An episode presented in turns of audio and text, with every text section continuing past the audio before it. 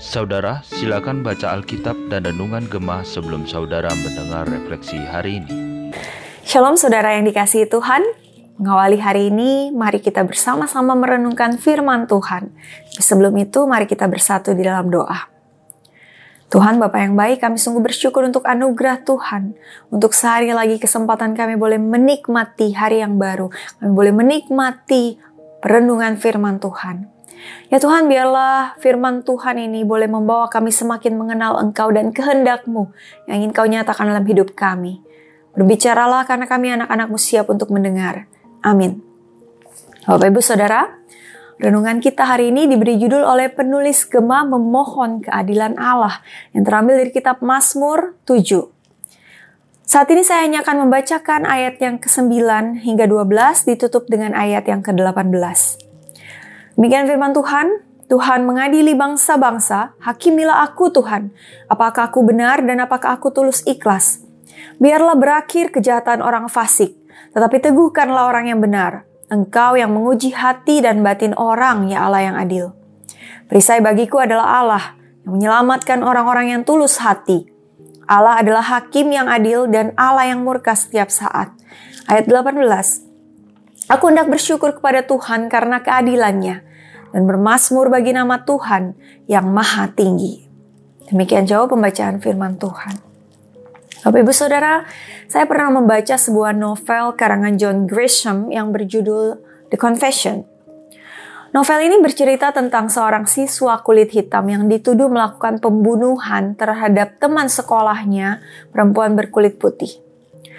Ketika dia ditahan, dia dipaksa untuk mengaku, dia disiksa, sehingga akhirnya dia tidak tahan dan kemudian dia terpaksa mengaku. Dan saudara tahu dia dijatuhkan hukuman mati. Ketika pembela berhasil membuktikan bahwa bukan dia yang melakukan pembunuhan tersebut, dia sudah terlanjur menerima hukuman mati. Ya Bapak Ibu Saudara, ini adalah fiksi. Namun dalam kehidupan sehari-hari banyak kisah ketidakadilan yang terjadi, bahkan dari zaman Alkitab. Kitab Mazmur 7 yang menjadi bahan renungan kita hari ini bercerita bagaimana Raja Daud mengalami ketidakadilan. Daud difitnah oleh Kus. Tidak ada detail spesifik mengenai masalah ini, tapi kita bisa mengetahui bahwa Kus adalah orang yang berasal dari suku Benyamin, satu suku dengan Raja Saul. Ketika Saul cemburu pada Daud dan memburu Daud mencoba membunuhnya, Saul menuntut kesetiaan orang sesukunya untuk melawan Daud. Sehingga dalam waktu yang cukup lama, suku Benyamin ini punya dendam terhadap Daud dan mereka menjadi penentang pada masa pemerintahannya. Menghadapi ketidakadilan, Daud merasa sedih dan putus asa. Dia dapat dengan mudah menangkap orang yang memfitnahnya, tetapi dia tidak melawan mereka secara langsung. Melainkan dia berbalik kepada Allah. Dia tidak datang kepada manusia, melainkan Daud datang mencari Allah. Saudaraku, hari ini banyak hal yang bisa kita pelajari dari Daud. Yang pertama, di tengah ketidakadilan yang harus dia alami, Daud tidak mengandalkan kekuatannya. Daud tidak mencari manusia, tetapi dia terlebih dahulu mencari Tuhan. Dia datang kepada Tuhan. Tapi perlu kita ingat, saudara, bahwa Daud bisa demikian karena dia punya relasi yang dekat dengan Tuhan. Maka dari itu sangat penting bagi kita untuk melatih diri kita, membiasakan diri kita untuk punya relasi yang baik dengan Tuhan, untuk membangun relasi yang akrab dengan Tuhan. Sehingga ketika kita mengalami masalah, maka kita punya kesadaran untuk mencari Tuhan terlebih dahulu. Yang kedua, ketika Daud datang kepada Tuhan, yang dia lakukan adalah mengintrospeksi dirinya. Bukannya langsung mengajukan komplain bertubi-tubi dan kemudian menyalahkan orang lain. Maka saudara ketika kita diperhadapkan dengan tuduhan, marilah kita belajar untuk mengintrospeksi diri kita terlebih dahulu. Benarkah kita tidak melakukan hal-hal yang dituduhkan?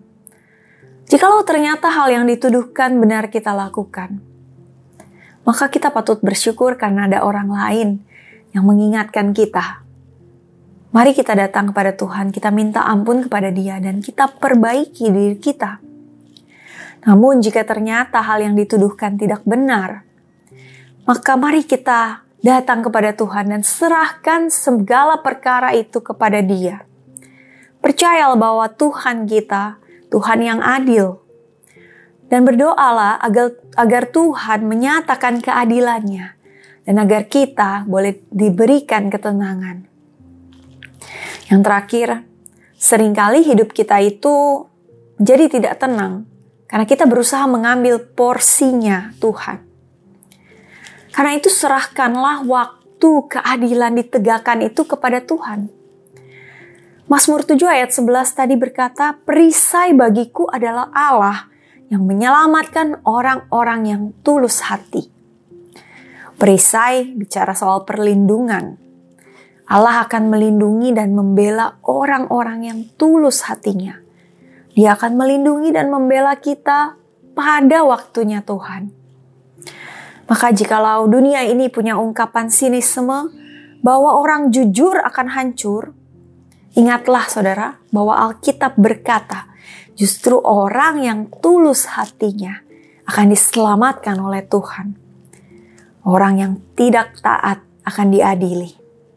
Bersyukurlah kepada Tuhan karena keadilannya. Amin.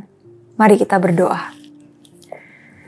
Tuhan ajar kami bersyukur karena kami punya Allah yang adil. Ketika dalam dunia ini kami menerima perlakuan yang tidak adil, ketika dunia ini menghakimi kami dengan tuduhan yang tidak benar. Biarlah kami boleh terlebih dahulu datang kepada Tuhan. Biarlah kami boleh datang kepada Tuhan, mengakui segala salah dan dosa kami, mengintrospeksi diri kami, Tuhan. Biarlah Tuhan, Tuhan yang tahu segalanya, Tuhan yang menyatakan keadilan sesuai waktunya Tuhan. Hendaklah kami boleh terus bergantung dan percaya sepenuhnya kepada Tuhan. Terima kasih Tuhan. Berkatilah kehidupan setiap kami, berkatilah aktivitas kami. Biarlah kami boleh menjalani aktivitas kami sesuai dengan kehendak Tuhan. Di dalam nama Tuhan Yesus, kami berdoa. Amin. Tetap bersyukur, Tuhan Yesus memberkati.